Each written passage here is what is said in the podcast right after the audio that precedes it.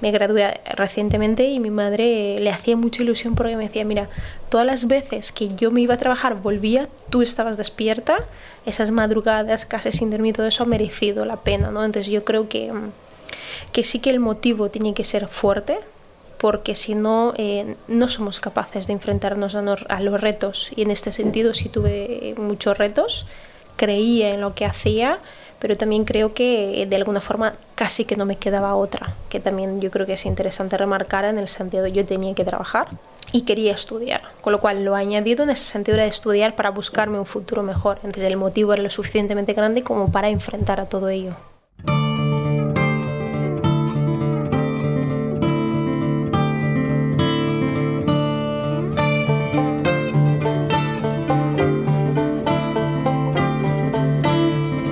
Nuestra anfitriona hoy va a ser la más joven de esta temporada de Estamos Dentro. Joven aunque sobradamente preparada, que decía un anuncio de cuando ella apenas tenía dos años y del que acaban de hacer una nueva versión para anunciar un coche eléctrico. Y curiosamente, nuestra protagonista tiene mucho que ver con la movilidad sostenible. El último proyecto en el que está embarcada se llama Bostock Electric y con él pretenden hacerse un hueco en el mundo de las motos eléctricas. Desde Euskadi al mundo. Pero antes de llegar a este proyecto, la vida de Mayara Marz, que es como se llama nuestra anfitriona, ha recorrido mucho camino. De su Brasil natal a una Donostia en la que aterrizó en plena adolescencia. Y a partir de aquí, con mucho esfuerzo, perseverancia y determinación, se ha dedicado a perseguir sus sueños. Que dicho así, suena muy poético, pero más allá de poesía, que la ha habido, ha habido muchos apuntes, muchas comandas y emprendizajes varios. Para que digan que los jóvenes de hoy en día no se lo ocurran.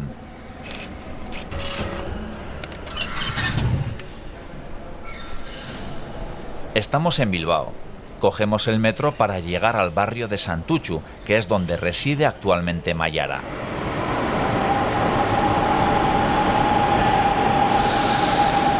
Aprovecho el viaje para recordaros que Estamos Dentro es un podcast producido por Ulu Media para EITV Podcast, que para no perderos ningún capítulo os podéis suscribir a él en la plataforma de audio que utilicéis habitualmente. Una vez hecho, que es muy sencillo, aunque suene raro, os olvidáis de acordaros. Yo soy John Martija y me gusta mucho Bilbao. Y viajar en metro. Esto también es movilidad sostenible.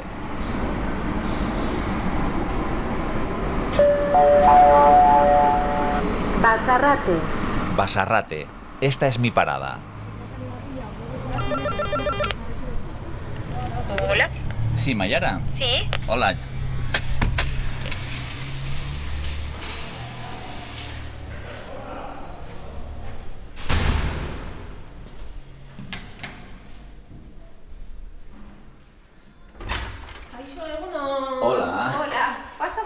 que he llegado muy puntual. No, no, perfecto. Lo único es si no te importa, te voy a pedir eh, poder... sin problema, claro.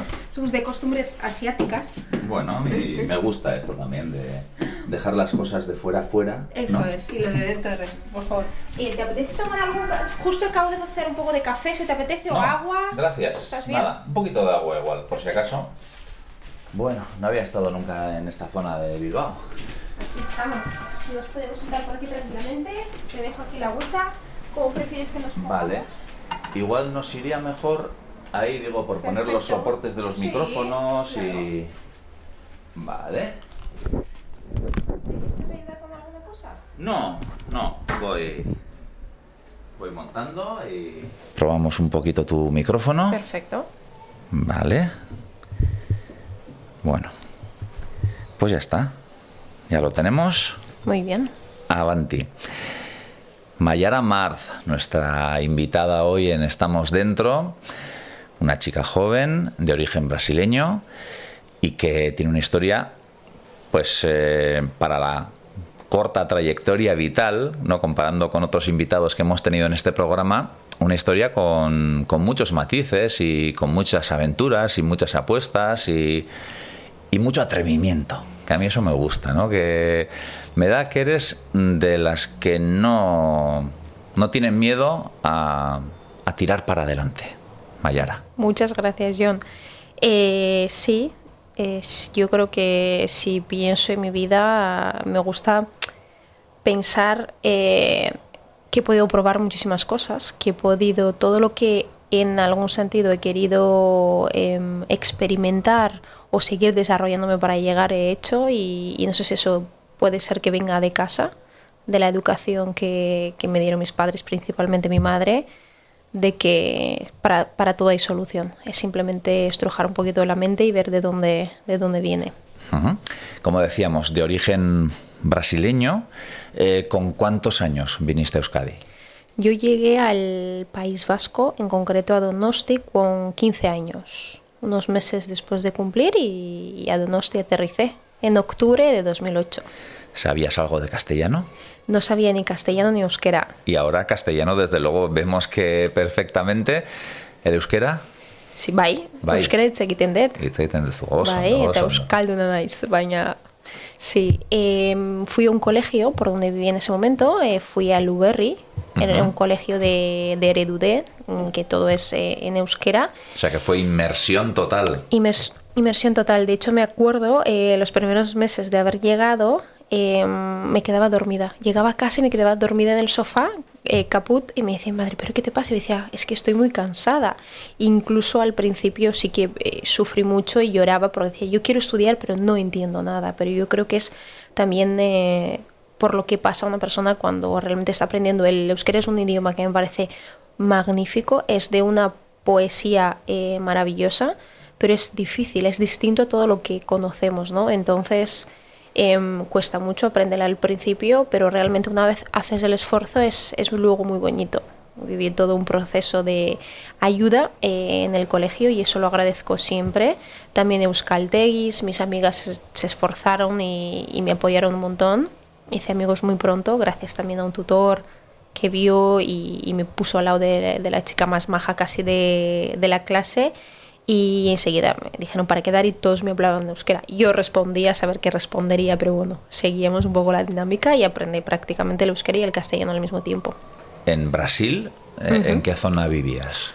Yo soy de em, San José de los Piñales, que está, digamos, a, cruzando una autopista de Curitiba que es la capital de Paraná en el sur.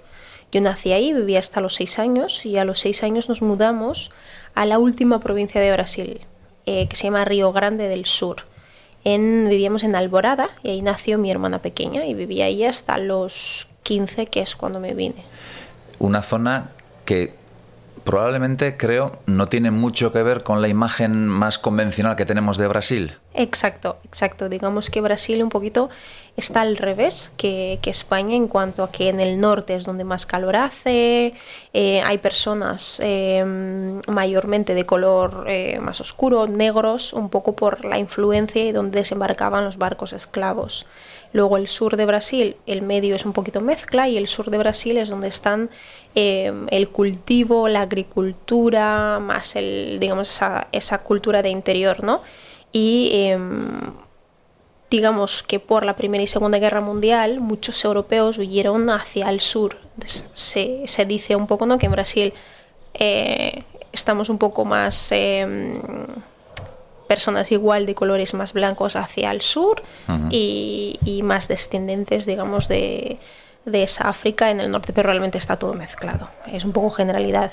Sí, en, Brasil el tema de los tonos de piel también... Eh definen mucho, ¿no? Y está, vamos, hay un pantone de tonos que el que es... Em, hay gente que no quiere ser negra, ¿no? O que ellos dicen que no son negros. Que igual si lo viéramos desde nuestra perspectiva de aquí, pues diríamos, pues yo diría que es negro. Pero claro, para ellos, en cuanto al estatus social, en muchos casos, eh, sí que marca, ¿no? El tono de piel la verdad, o sea, hace muchísimo tiempo que no vivo ahí, no he podido, digamos, percibir la realidad ahora. Sigo manteniendo eh, muchos amigos y, demás, pero sí tengo esa sensación o ese recuerdo o incluso amigas de mi madre relacionadas de aquí en que efectivamente eh, sería una persona negra pero dice que es morena. Yo sí creo que puede haber algo relacionado con eso, aunque es verdad que yo creo que hace 6-7 años, para un trabajo de, que estaba haciendo, ya el 60% de la población brasileña era negra, con lo cual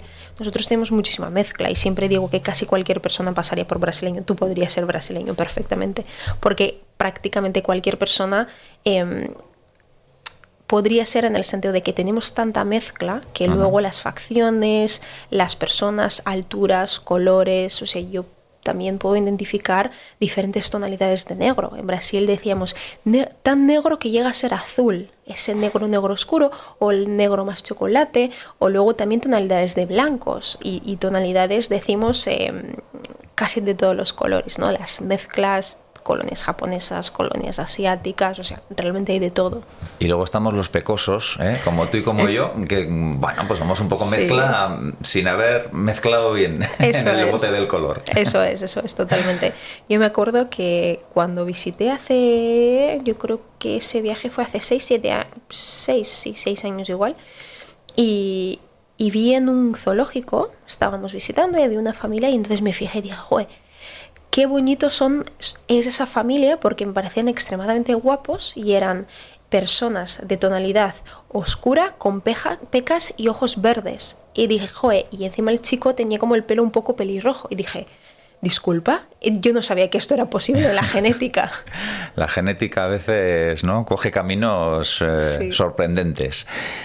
15 eh, años, como nos decías, Mayara, de repente aterrizas en el País Vasco me imagino es una edad complicada, ¿no? Para mm, empezar de cero en otro país, eh, otra cultura, otros idiomas.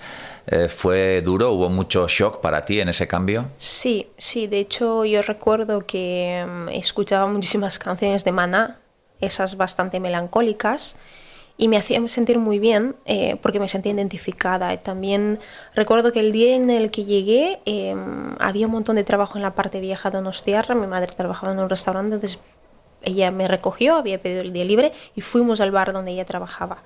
Y estaban todos tan a tope y hacía una especie de lluvia rara. Yo decía, ¿esto qué es esta especie de lluvia? Me dice mi madre, esto se llama shirimiri. Y yo, no entiendo ese cielo un poco gris, eh, las facciones de las personas un poco más serias y todo era como un poco sorprendente, ¿no? Y, me fijaba en la gente, en, en, cómo iban vestidos, cómo se comportaban. Yo recién llegada y, sí que costó un montón y, lo pasé mal incluso mm, de alguna parte dentro de mí se negaba muchísimo a aprender castellano, euskera, hablar en castellano, en euskera porque me sentía que de alguna forma estaba traicionando mi cultura, ¿no? Hasta que yo creo que poco a poco, em, no sé, vas viviendo las experiencias y te das cuenta de que no se trata de eso. Yo también eh, viví una, una, situación complicada con mi padre y mi madrastra, entonces ahí ya no me encontraba bien y me acuerdo la reflexión de decir, no, yo quiero irme porque yo ya no soy feliz. Y hoy en día me parece muy interesante que una niña de 15 años haga esa reflexión, de decir, no me siento feliz aquí, voy a buscar la felicidad del otro lado, con mi madre y mi hermana, que ya vinieron ocho meses antes, y tenía muchas ganas de estudiar porque siempre me habían enseñado que si tú estudias, tú tienes un mejor futuro. Mi padre dejó de estudiar con nueve años, mi madre con doce, con lo cual habíamos vivido em, una vida humilde, con mucha lucha, nunca nos faltó de nada, pero gracias al esfuerzo de mis padres. Entonces, para mí era esa sensación de voy a Europa, eso que nos cuentan, de que Europa es la maravilla, el centro del mundo, en que todo es maravilloso. Digo, voy a Europa, estudio, tengo un futuro mejor y ayudo a toda mi familia, ¿no? Y yo creo que siempre estuvo como muy, muy, muy, muy arraigado dentro de mí esas ganas de estudiar que mi madre nunca ha tenido que decirme tienes que estudiar o tienes que despertarte hasta ahora, tienes que dormir hasta ahora, era yo la que sin que mi madre quiero decir absolutamente nada, yo iba simplemente organizándome, no mamá, no importa que he dormido poco, tengo que estudiar, es que tengo que hacer esto y tengo que hacer lo otro, no, pero salgo un rato, no, no, no, es que tengo que estudiar y entonces yo creo que, que el estudio también me ayudó muchísimo, ¿no? Y como comentaba antes, em, tuve un, profesor que se llama Martín en Luberry en tercero, que es cuando eh, llegué, y él se dio cuenta de que había hecho amigos muy rápido. Y eso es algo sorprendente que habitualmente no pasa a esas edades efectivamente había gente muy maja y enseguida me invitaban a salir y a quedar y a la cuadrilla y, y demás, aunque no nos entendíamos muy bien. Y entonces a él le pareció eh, muy oportuno hablar y hacer un consejo con todos los profesores y la dirección y ver si me podían hacer un examen un pelín más sencillo, pero para que yo no perdiera el grupo de amigos, porque para él le parecía mucho más importante la integración que había hecho que realmente los estudios. Y así fue y, y realmente yo creo que, que me ayudó un montón porque sigue siendo mi cuadrilla de hoy en día. Y qué importante un profesor así que en un instituto tan grande como Luberry, porque es muy grande, lo conozco, pues al final eh, captar las necesidades de determinado alumno, ver cómo se le puede ayudar a hacerlo. Y como decimos, es un modelo de en euskera, inmersión total, viniendo de Brasil pero está claro que lo de estudiar se te da bien porque hiciste un grado y luego un doble grado. Eso es, eh, hice... Tuve mis, mis complicaciones eh, con el euskera. Efectivamente yo llegué y, bueno, hay un tema que cuando llegas de fuera puedes pedir la exención, pero nosotros no sabíamos. Entonces empecé a cursar en euskera para cuando me di cuenta de, de que realmente era muy complejo porque es muy difícil. Eh, y, tratamos igual de, de, hacer algún trámite ya no era posible. Yo ya tenía que enfrentarme al euskera obligatorio y no solo eso, sino que si hiciera selectividad tenía que hacer la, la asignatura de euskera, con lo cual podría repercutir muchísimo en mi, en mi media, ¿no? Entonces fue un poco, repetí un par de años, incluso, pues bueno, tuve profesores no tan afortunados que me recomendaron ir al nocturno porque igual no iba a ser suficiente o igual ya no estaba tan preparada para enfrentarme y demás, pero bueno, lo, lo hice finalmente y un poco después de todas esas, em, esas experiencias sí que estaba un poquito desilusionada con el sistema educativo. O sea, decía, yo tengo todas las ganas del mundo, pero sí que hay como unas trabas administrativas, hay una realidad, hay una aplicación, hay profesores que no son tan motivantes como no tuve la suerte eh, en, en Luberry. Y, y, bueno, realmente te pueden hacer la vida bastante difícil, pueden desilusionarte, pueden ser una pieza clave en momentos muy importantes de un adolescente.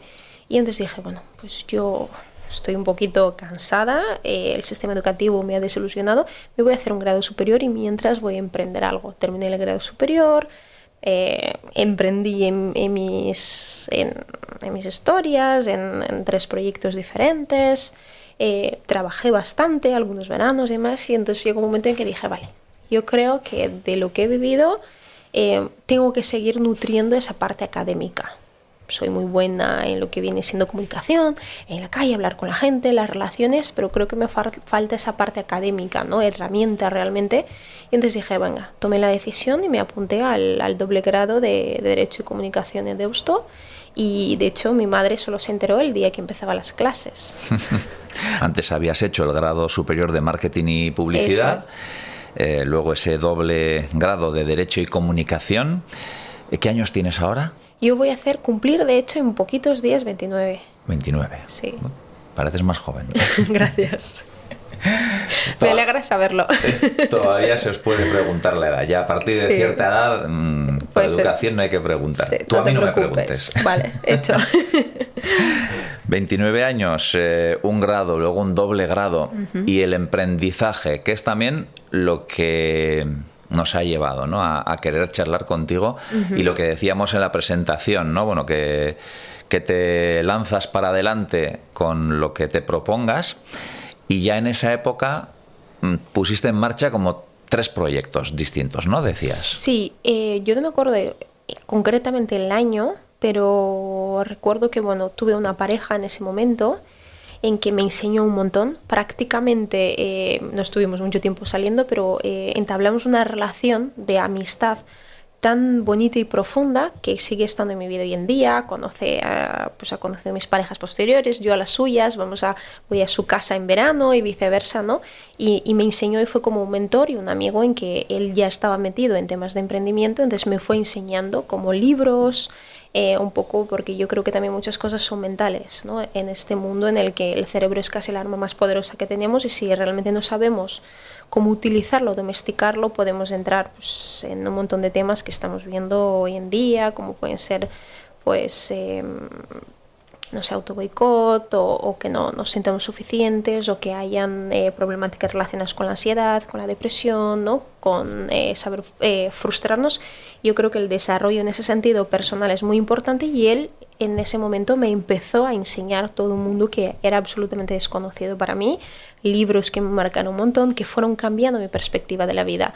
Y entonces eh, tomé la decisión y él me echó una mano de, empezar con el primer proyecto que se llamó Liberbee. Era una, una especie de, de, tienda de ropa online en la que vendíamos ropa em, vintage con dos amigas. Y después eh, surgió lo que fue eh, Álvaro G Boards, que eran tablas de longboards, longboards artesanales fabricados por Álvaro García, que desafortunadamente un tiempo después Álvaro falleció en un accidente, ese accidente tan sonado aquí en Bilbao, en, el que separó a una persona, bajó del coche y, la policía le estaba como pidiendo la documentación, vino otro coche, no les vio y, le pilló.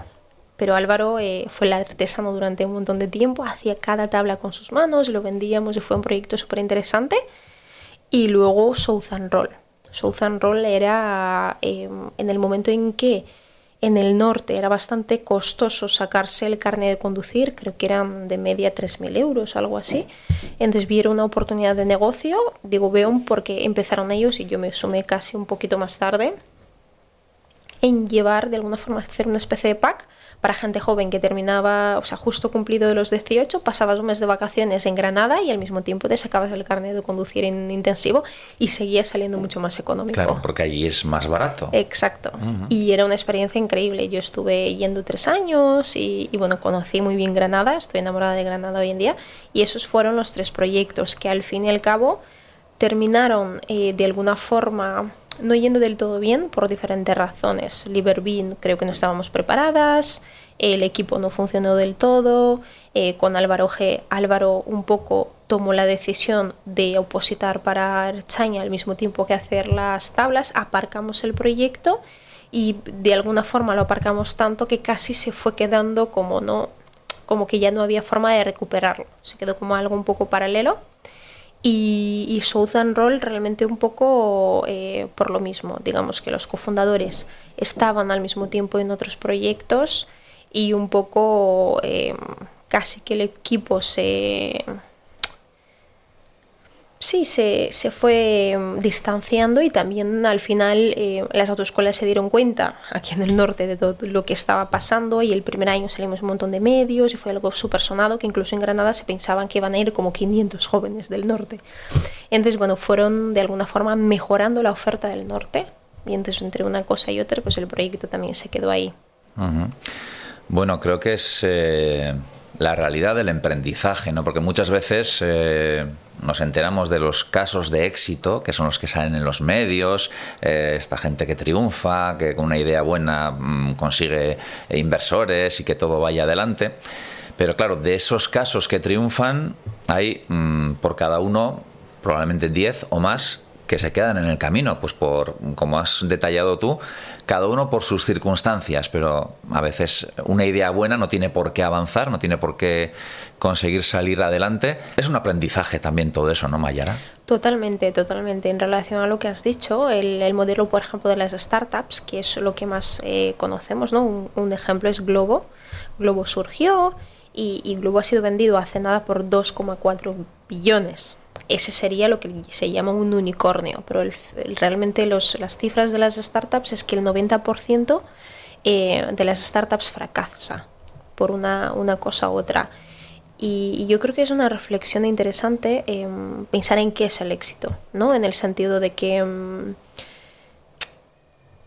¿Por qué lo hacemos? Y para mí me marcó y me definió un montón eh, mi rumbo en la vida en general, en el sentido de que em, por qué hago lo que hago, por qué es importante para mí emprender, por qué me arriesgo de alguna forma a económicamente poder vivir momentos malos, porque es absolutamente normal en un proyecto, ¿no? Em, ¿Por qué me arriesgo a enfrentarme constantemente a mis propias limitaciones? ¿Por qué me arriesgo a apostar por algo y no solo dejar en el mundo de las ideas, sino que eh, realmente tratar de tangibilizarlo? Y yo creo que tiene que ver, por lo menos en mi caso, una razón más profunda, ¿no? En el sentido de que casi como esa teoría del ikigai, ¿no? Japonesa entre las diferentes combinaciones y para mí es un poco eso, que se me da bien, em, en qué creo y, un poco esa motivación interna y desde luego el, aprendizaje es increíble, es increíble y sí, es absolutamente duro eh, porque al final tienes que lidiar con muchas ideas preconcebidas de la sociedad en el sentido de eso, del éxito, en que entendemos normalmente el éxito como el dinero. Yo creo que con todos esos proyectos em, he sido absolutamente exitosa porque la Mayara de antes y la Mayara de después han sido personas que han evolucionado un montón, han crecido un montón, tanto profesionalmente como personalmente, y entiendo muchísimas más cosas. Eh, y no sé, me siento como más afortunada, eh, con mayor profundidad en, de ser humano, me siento mucho más, no sé, feliz de, de haberlo vivido, ¿no? Y todo esto que lo has contado, pero bueno, por remarcarlo, porque pueden pensar, no, pues igual es una niña de papá y, juega estas cosas, ¿no? Pues no, hija de, de, una familia de clase trabajadora y de hecho estudiando, poniendo en marcha proyectos y trabajando también en hostelería. Pues porque hay que comer todos los días, ¿no? Exacto, eso es un poco lo que comentaba, ¿no? El tema económico al final es interesante que lo hayas remarcado porque es eso, ¿por qué me arriesgo ¿no? con un proyecto que casi me está llevando eh, quizás en algunos momentos los ingresos y tengo que tener una cosa aparte para eh, realmente poder vivir? Al fin y al cabo, eh, mis padres son humildes, aquí vivo con mi madre y mi hermana y bueno, trabajos, aquí somos de clase media, vivimos bien, pero no sobra el dinero como para emprender, ¿no? Y, y entonces al final em, sí, o sea, en, mi, digamos, en mi historia, yo por también los temas de, los papeles y demás, que tuvimos una complicación con los papeles de mi hermana, no teníamos la nacionalidad todavía. Entonces, hay una cosa que se llama el NIE, en que tú tienes que renovar. Y según como tú lo pides la primera vez, tienes que cumplir los contratos siempre eh, pues por ejemplo, yo pedí un NIE que me permitiera estudiar y trabajar, porque si no nunca hubiera podido trabajar y era importante que yo los veranos empezara a trabajar para al final comprar mis propios temas. Entonces, eh, las primeras renovaciones son casi cada año, después tres años, después de cada cinco años. Entonces, tienes que tener siempre un contrato laboral que cumpla con los requisitos. Entonces, toda esta historia que conté desde el grado superior, desde los proyectos hasta el grado superior, siempre estaba trabajando al mismo tiempo en hostelería. O sea, yo creo que el otro día lo decía y me resultaba gracioso porque soy eh, bastante joven, ¿no? Que he estado creo que en 10 restaurantes y casi tengo como 8 o 9 años de experiencia en hostelería, incluso con el grado superior, o sea, disculpa, con el doble grado, yo fui encargada de un sitio en Donosti en el que de alguna forma coordinaba a 15 personas y hacía un doble grado, o sea, mis horas del sábado, que normalmente suelen ser partidos, era o empezaba antes a trabajar, hacíamos lo que teníamos que hacer, en la hora de partido, cuando todo el mundo se iba a casa a descansar, yo me sentaba con plato de comida y los libros abiertos a estudiar porque el lunes tenía un examen de derecho.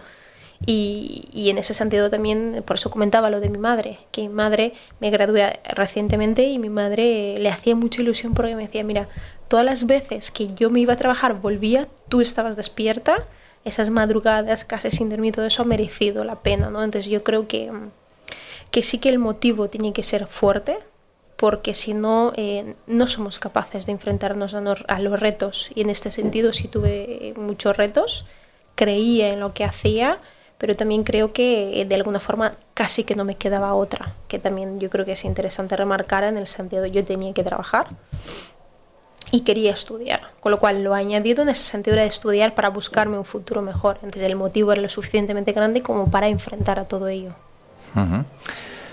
Eh, vi esas fotos de la graduación en tus redes sociales y me imagino que tu madre estaba estará orgullosísima por todo, no tengo la menor duda, pero no ver ya que, su hija se, se, gradúa, que también en muchos casos mm, los padres que no han tenido la posibilidad de estudiar, pues desean ¿no? que sus hijos tengan un futuro mejor.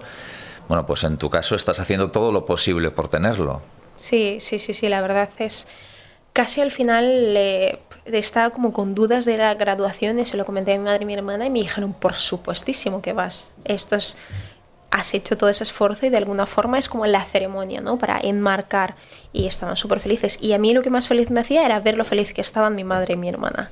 Y, sí, también eh, quiero decir, he ido a la Universidad de Deusto, que es una facultad privada, y un doble obviamente tiene su coste, y quiero decir, me lo pagué todo yo en ese sentido. Si hubo un apoyo por parte de la universidad con becas y, que si en momentos hubieron dificultades, eh, en ese sentido siempre han sido eh, magníficos eh, y, me han echado una mano en todo lo que ha sido necesario y en ese sentido yo creo que es importante también remarcar, ¿no?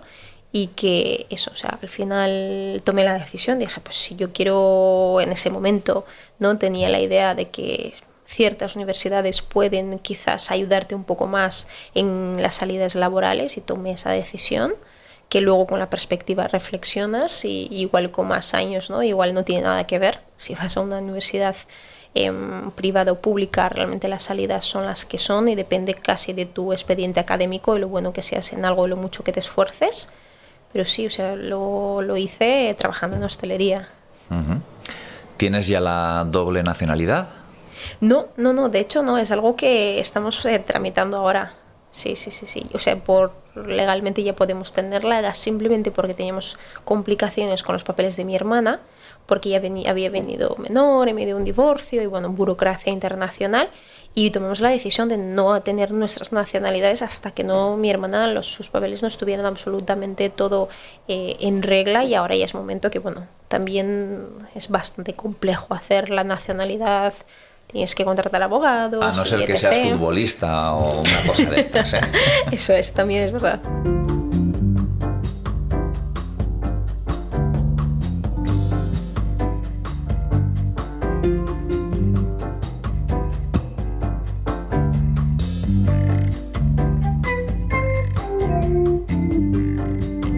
Emprendizaje, emprendedora. Podemos decir que Mayara Marz, entre otras cosas, es emprendedora porque eh, son el tipo de perfiles que nos gusta tener en Estamos Dentro, gente que, es difícil de definir, ¿no? Y estamos descubriendo que la historia de Mayara, pues realmente, tal y como intuíamos, merece la pena. Gracias. Y puede ser incluso un ejemplo, ahí lo dejo.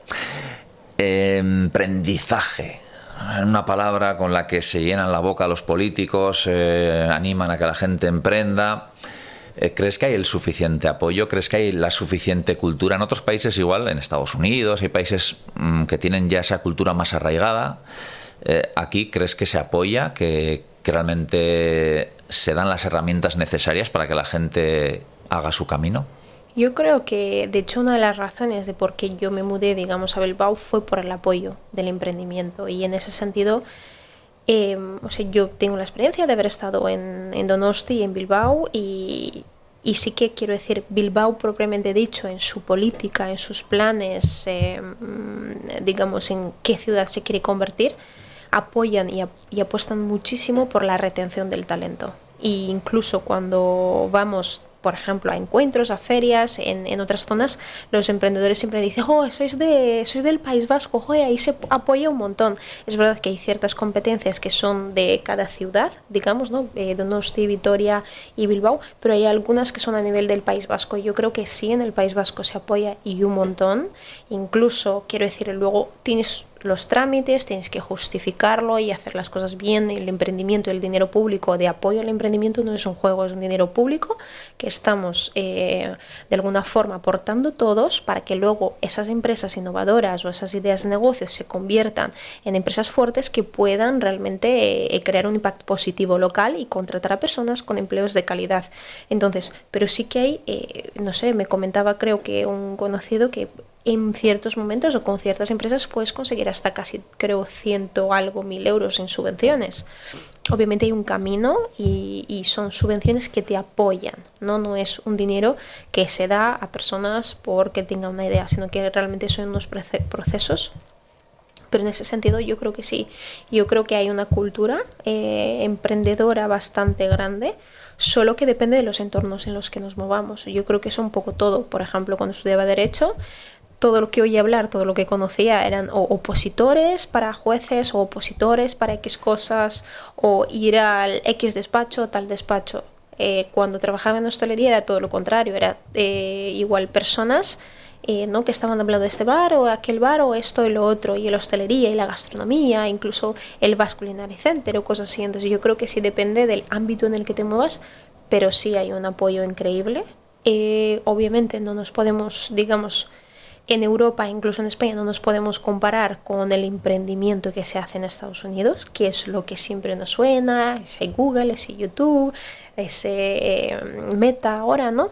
Y para nada la cultura es la misma, ni nuestras leyes, ni nuestra legislación, ni nuestra forma de entender el mundo, porque al final yo creo que en, cuanto a sistema y cultura es diferente, pero yo creo que hay aquí proyectos que son increíbles y que, y que sí se dan, y especialmente en el País Vasco hay muchísimo apoyo y muchísima ayuda, e incluso quiero decir, si yo quiero abrir una zapatería aquí abajo o reparación, hay mucho apoyo. Hay, em, hay programas, hay eh, incentivos para, para, los autónomos, hay eh, programas que te enseñan desde finanzas hasta darte de alta, qué modelo es mejor, entonces yo creo que sí.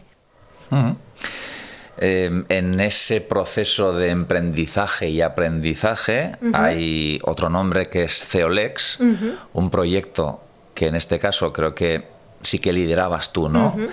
Y que ha quedado aparcado, no sé exactamente en qué, uh -huh. en qué contexto. Cuéntanos qué era o qué es Ceolex. Sí, Ceolex surge de Legebot. Legebot era un, un, chatbot que ayudaba a las personas a resolver sus dudas de derecho laboral.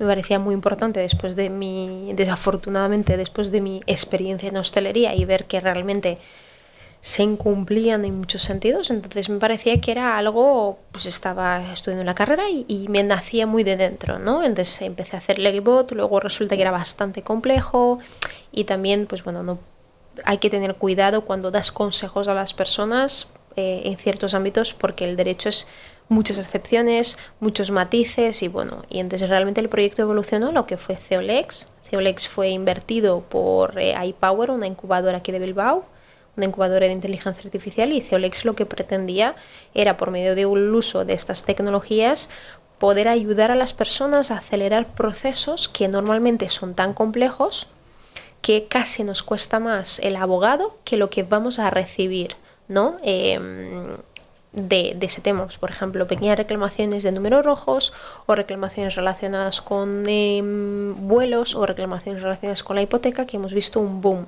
en los últimos meses y los últimos años. Entonces, eh, el cambio de Ceolex realmente eh, yo creo que un poco como, como todo es que hay veces que aunque la idea sea buena, las piezas tienen que encajar y casi el momento, el equipo, el entorno y, y varias variables y luego era un, pro, un proyecto eh, complejo desde la perspectiva de que eh, necesitabas muchísimos eh, abogados y procuradores y se tarda muchísimo tiempo en resolver un caso legal, con lo cual ahí puede haber una problemática de liquidez y etc., que es un poco eh, el panorama que ven muchos despachos de abogados. Tengo igual 200 casos en juicio, pero realmente solo voy a ver, ¿no? El, digamos, quizás el fruto en un futuro, porque nuestro modelo con Ceolex es solo te cobramos si nosotros conseguimos ayudarte, porque nos parecía muy importante democratizar ese derecho a, reclamar lo que te corresponde porque grandes compañías o, o, se benefician de letras pequeñas o etc. ¿no? Pero eh, no fue todo lo bien que nos gustaría y yo también estaba en un momento en el que estaba compaginando el, doble grado y, demás y entonces tomé un poco una decisión de sí dejarlo por así decirlo y, centrarme únicamente en una cosa terminar bien los estudios y, un poco en ese sentido. Y después de eso, bueno, cuando se dice, ¿no? Cuando una puerta se cierra, se abre una ventana, eh, surge otro proyecto, en este caso que ya estaba en marcha, en el uh -huh. que te embarcas, que es muy interesante y que tiene mucho que ver con la movilidad sostenible, algo que ocupa y preocupa, ¿no? Uh -huh. Mucho más todavía en estos tiempos que corren de incremento del precio de los combustibles y demás. Uh -huh. Hablamos de. Bostock, que podía ser euskera con B, pero es con V, uh -huh. eh, en referencia a esas eh, misiones espaciales rusas y que lo que estáis desarrollando y comercializando ya uh -huh. son motos eléctricas. Eso es. Eh, Vostok al final sí que eh, hace eh, referencia a las, a las eh, misiones, ¿no? pero sobre todo el nombre en su momento se eligió por el hito que hizo Yuri Gagarin, que fue el primer ser humano en poder dar una vuelta completa en, en la órbita alrededor y, y, por eso, ¿no? Un hito en el sentido de que em, nuestro eslogan, digamos, que es Go Places, que es llegar lejos en, en, inglés y superar barreras. Entonces, muy enfocado en ese hito que hizo Yuri Gagarin de superar barreras y llegar lejos. Y, y siempre estar como auto mm, autosuperándose. Entonces, Vostok Electric, si nosotros hacemos motos eléctricas, el primer desarrollo fue un, un ciclomotor equivalente a 49 que se comercializó por primera vez en, a finales del 19. Lanzamos ahora a finales de, en diciembre de 2021, es la segunda versión, digamos actualizada, mejorada, con más potencia y demás. Y bueno, ahora estamos preparando bastantes cositas y sorpresas. Un patinete eléctrico 100% fabricado en el País Vasco, que va a ser eh, muy bonito el, el, preview, digamos, que hemos podido echar un vistazo con el, el, desarrollador de producto y vamos a lanzar en verano también un, un, equivalente a 125. En ese sentido, sí, yo creo que Vostok encaja a la perfección en el sentido de toda la misión, todo el proyecto, eh, el hecho de que de alguna forma esté liderado por mi compañera Rachel y por mí, eh, la misión real que es ayudar a las personas a hacer la transición hacia lo eléctrico, toda la conciencia y yo creo que engloba muchísimo con muchísimos de los retos que estamos viviendo hoy en día. Es decir, habían tendencias que mm, con el coronavirus al final se han prácticamente eh, ha de catalizador para que todo eso dé un vuelco ¿no? relacionado al comercio electrónico, las entregas, el urbanismo, la necesidad de que se tome una decisión institucional relacionada con el calentamiento global, con la supervivencia del planeta porque solo tenemos uno, y cómo eso al fin y al cabo revierte en la movilidad, en las ciudades, en que cada vez están más pobladas, en que cada vez es más difícil aparcar, en la problemática de los combustibles, una guerra que también nos hace ver que al final estamos todos conectados y en que eh, haya varias cosas que sean casi temas globales, hay, hay que enfrentaros, enfrentarlos, disculpa, de forma global, pero también de forma local. Las zonas de las ciudades cero emisiones, entonces me encanta porque al final cuando hablamos de movilidad, ¿no? movilidad un poco más sostenibles, estamos hablando de muchos temas de debates que están sobre la, la, la mesa y la agenda eh, internacional diaria. Entonces, realmente, si nosotros lo que estamos intentando, eh, humildemente, porque luego al final los retos siempre pueden ser gigantes, pero tienes que abordarlos pasito a pasito y lo que estamos intentando realmente es poder ayudar a las, a las personas a que se muevan de una forma un poquito menos contaminante, ¿no? Y, tratando de alguna forma de ver lo mismo, de qué forma nosotros podemos, eh, pues, incluso los materiales que utilicemos, que sean de alguna forma eh, extraídos de una forma más eh, amistosa con el medio ambiente, esas fuentes de energía que utilicemos incluso para cargar estos vehículos eléctricos que sean de alguna forma de, de fuentes renovables, eh, qué se hace luego con eso, cómo se recicla, el, todo el tema, ¿no? el debate de las baterías, y hay, hay muchísimas cosas. Sí, de hecho, supongo que eso que veo ahí, aquí sí. en la sala, es una batería. Eso es. Eso es, es una de las nuestras baterías que son extraíbles y lo puedes cargar en, en, cualquier sitio. De hecho, tenemos un vecino con el que siempre nos encontramos y él tiene paneles solares en su, en su ventana y quiero decir que tampoco es que Bilbao sea un sitio súper soleado, pero dentro de lo que cabe, o sea, esa energía la utiliza para tres o cuatro cosas y para nosotros es nuestra aspiración. O sea, el proyecto al final empezó con, con Rachel y con Álvaro transicionó y ahora estamos Rachel y yo y, y la verdad duro difícil es al final hacer movilidad. Claro, es que al final eh, crear una moto, una empresa de la nada, competir con las grandes marcas que todos conocemos, con los medios que tienen para hacer publicidad, para distribuir sus productos, hacerse un hueco, un nicho de mercado ahí tiene que ser complejísimo. Sí, muchos dolores de cabeza, muchas ojeras, pero luego realmente cuando las cosas avanzan, o sea, te sientes magnífico, no solo por el hecho de que, quiero decir, estamos intentando crear un proyecto sostenible en el sentido de que en Vostok no contamos con capital privado, ha sido todo capital eh, propio. Entonces, supone mucho sudor, supone mucha implicación, supone em, decir, ¿cómo puedo hacer ¿no? un poco en, esa perspectiva de crear un proyecto sostenible para que dentro de unos años yo pueda dar empleo también y de qué forma van a ser esos empleos, de qué forma eh, podemos contribuir a todo eso, al impacto social positivo local, a la economía circular. Y sí, porque de hecho también comentabas, ¿no? el patinete que está ya próximo a comercializarse se ha fabricado en Euskadi las primeras motos, los primeros modelos no, pero la idea es que, que llega un momento en que todo el proceso se haga en Euskadi. Efectivamente, efectivamente. O sea, queremos trasladar al final la fabricación también por todas las problemáticas que se han vivido. Era, de alguna forma, era nuestra idea, pero realmente ver que las problemáticas se acentúan, decir, oye, pues rápidamente vamos a hacer el, el cambio de forma más ágil posible, ¿no? Entonces, sí es nuestra idea poder eh, al fin y al cabo fabricar y, dar de alguna forma mm, generar empleo en el mejor de los casos, ¿no? Si todo va bien, aquí de forma local. ¿Cuándo prevéis, no? Es complicado, supongo, ¿no? El hacer una previsión de cómo va a evolucionar el negocio, pero ¿cuándo prevéis que realmente sea un negocio ya viable y rentable, con beneficios? Realmente yo creo, em, o sea, ya es, ya es un negocio rentable, el, tema está realmente en crecer. ¿no? El, sector de la movilidad está viviendo uno de sus momentos más explosivos en el sentido de que es un boom, las políticas realmente por primera vez lo avalan, políticas cero emisiones. Ayer mismo estuvimos en Valladolid, fuimos invitados para una, un encuentro y Valladolid ha ganado el sello junto con, son siete las ciudades españolas que van a ser ejemplo de las ciudades cero emisiones. Y, entonces, bueno, hay un montón de apuesta, ¿no?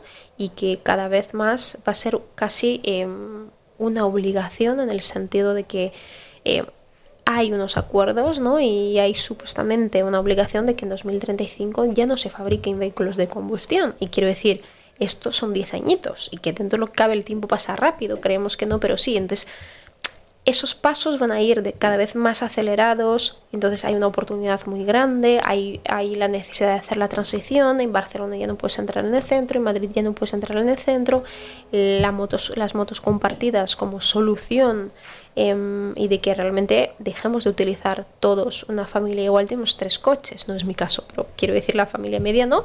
Pues el padre, la mamá y luego los hijos o comparten uno o dos o mínimo, normalmente las familias tienen un coche, con lo cual o sea, las ciudades ya no están preparadas para eso.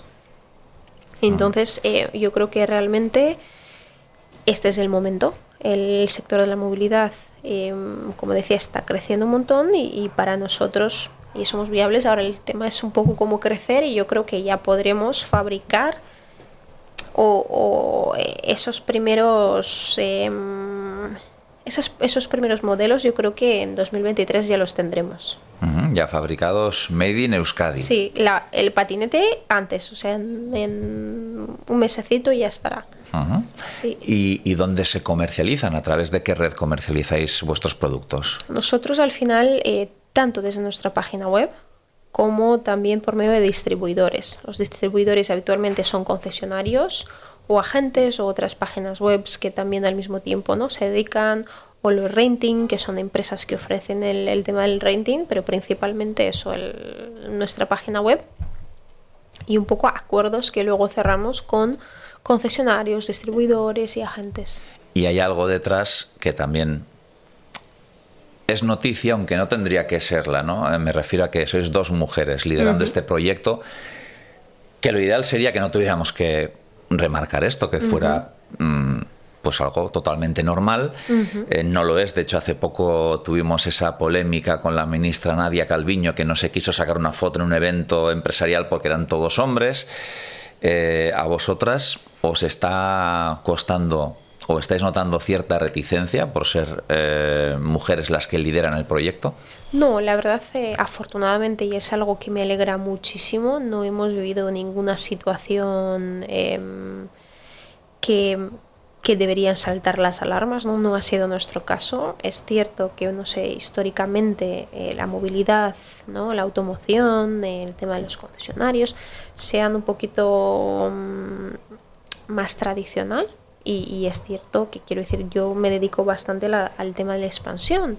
igual puedo hablar con tropecientos eh, concesionarios y es verdad que em, personas que igual son las dueñas o las encargadas o que toman la decisión, realmente yo creo que tenía una cifra que en torno a, 300, 350 con los que hablo, mujeres han sido 4 o 5, con lo cual eso ya es característico de decir, vale, no, no pasa nada, simplemente en un sector en que hay una presencia mayoritaria masculina y por el hecho de que nosotras, eh, digamos, las que estemos liderando, seamos mujeres, no hemos vivido nada no ha frenado para nada. Yo creo que eso me alegra un montón, con lo cual eh, realmente se deja em, el foco en nuestro trabajo, en nuestra persistencia, en nuestra... Eh, cómo al final, cuando no tienes mucho capital, lo que tienes que utilizar es el ingenio. Entonces, cómo, ¿no? Y, aprender y hacer marketing y cómo hacer las cosas y esto y lo otro y constantemente tratar de estar aprendiendo y haciendo cursos y, viendo cómo, cómo se hacen... Em, las cosas de una forma responsable y demás, con lo cual no, no ha sido una barrera y, que me alegra muchísimo poder decir que no ha sido. Y por si todo esto fuera poco, Mayara Marz también escribe y de hecho publicó un libro de poesía ya por 2016, eh, Orillas Vivas, de la mano de Tabula Rasa Ediciones, o sea que no está nada mal, ¿no? Que ya una editorial te publique un libro con, calculo que tendrías entonces 23 años. Algo así, sí. Algo así. Sí. Em, ¿Qué es lo que expresas? ¿De dónde surge esa vena poética o esa necesidad de escribir? Yo creo que realmente siempre ha estado conmigo. Eh, desde pequeña, no sé, siempre he sido muy sensible y entonces no entendía mis sentimientos. Y como que aprendí o descubrí que una herramienta interesante era escribir para luego yo misma volver a leerlo y decir, ah, puedo entender un poco más qué es lo que, qué es lo que está ocurriendo, ¿no? Por medio de, de eso. Y realmente todo lo que comentábamos al principio, ¿no? Del venir de Brasil, toda esa, eh, todo eso que, que, uno siente, todo eso que está reexperimentando y demás. Entonces, em, me ayudaba muchísimo en... Yo estaba en bachillerato, eso es, en bachiller, y escribía, escribía un montón porque necesitaba como, no sé, ayuda o, entender todo lo que estaba sintiendo, también no son unas edades, unas épocas en que de repente tienes que elegir qué es lo que quieres hacer con tu futuro, mucha presión, muchas cosas. ¿En qué idioma escribías? En, realmente en castellano, también en portugués y alguno en euskera, sí. Y, fue un profesor que me descubrió una de esas de yo escribiendo, era mi profesor de filosofía y fue muy anecdótico porque me pidió quedar un día después de ¿no? El, la hora del descanso y me comentó, oye, no sé si sabes, yo tengo una editorial, me ha gustado lo que he visto, si te parece me envías más cosas. Y entonces inocentemente le fui enviando cosas, pasó por manos del profesor de lengua, pasó por manos del profesor de psicología, tuvieron de hablar, etc, etc, cual. Entonces me dijo, oye, me gustaría publicar un libro tuyo realmente em, desde el momento en que quiso publicarme hasta que se publicó pasaron algunos años, con lo cual también era un proyecto que venía un poquito de antes y al final, eh, como un poco todo, yo me hacía mayor y, estaba trabajando, entonces muchas veces eh, recuerdo que estaba cansada. Estabas trabajando, estabas estudiando, estabas haciendo de todo. Claro, entonces no me salía, entonces también era muy interesante como ver ese proceso de de sequía, ¿no? Que, que, hablan muchos también autores y, sí, pero al final entre una cosa y otra, no sé, me en ese momento aspiraba a, ser una, decía, voy a ser escritora, voy a escribir poesía y esa va a ser mi vida.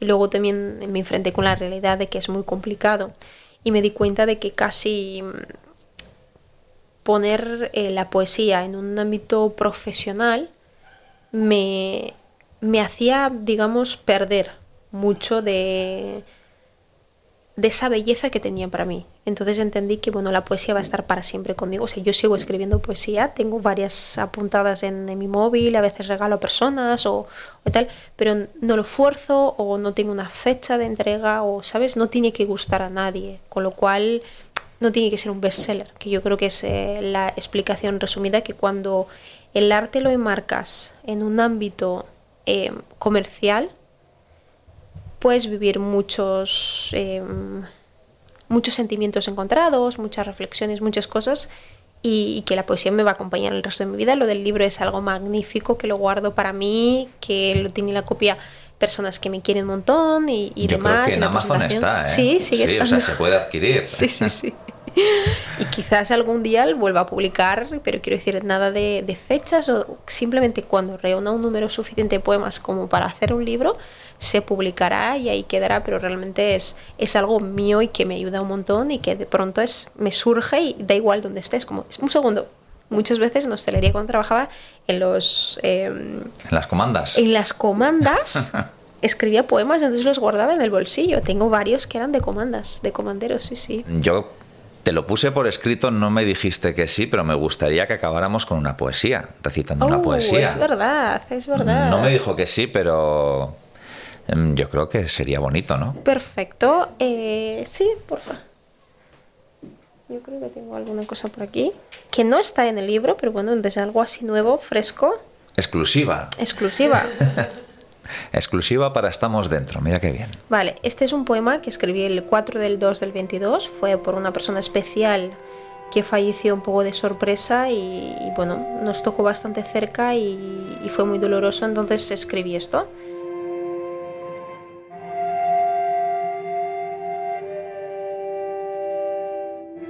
Maldita rutina que se llevó sin avisar, maldita rutina que dejó tristeza en su lugar, maldita rutina que nos alejó de aquel hogar. Guardo tu memoria como a un muerto, pero fue la vida quien se lo llevó.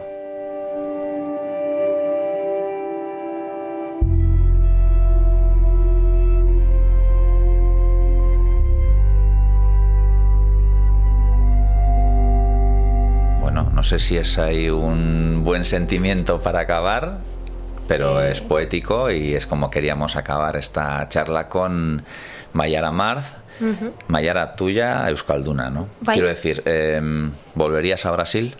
De visita, sí. Realmente, cuando todo el mundo me pregunta, yo digo, yo soy vasca, o sea, yo nací en Brasil y también soy brasileña, pero yo soy vasca. Quiero decir, en, en mis costumbres, en cómo me hice, digamos, adulta, en, en, mis experiencias de adolescente. Entonces, sí, sí. O sea, yo de los domingos, Marianito y Gilda. vasca, totalmente vasca. Mayara Marz, que ha sido un placer compartir este rato contigo, que os deseamos toda la suerte para, para ti, para Rachel, para el proyecto Bostock. Y bueno, yo lo de la moto eléctrica me lo tengo que plantear, o sea Muy que iremos viendo. Perfecto, muchísimas Mayara, gracias. A ti. Ha sido un placer enorme. Muy obrigado. De nada, te que ricasco.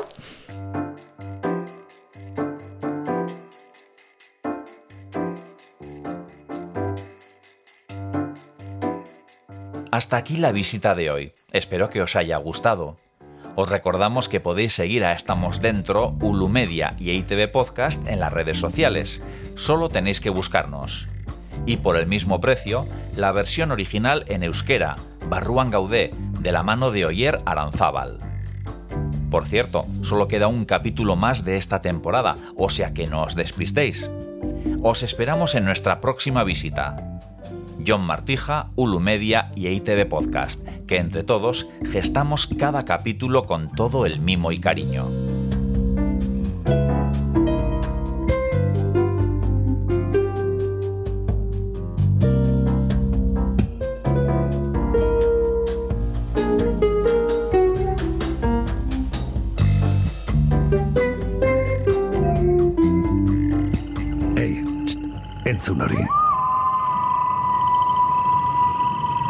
Ulu Media.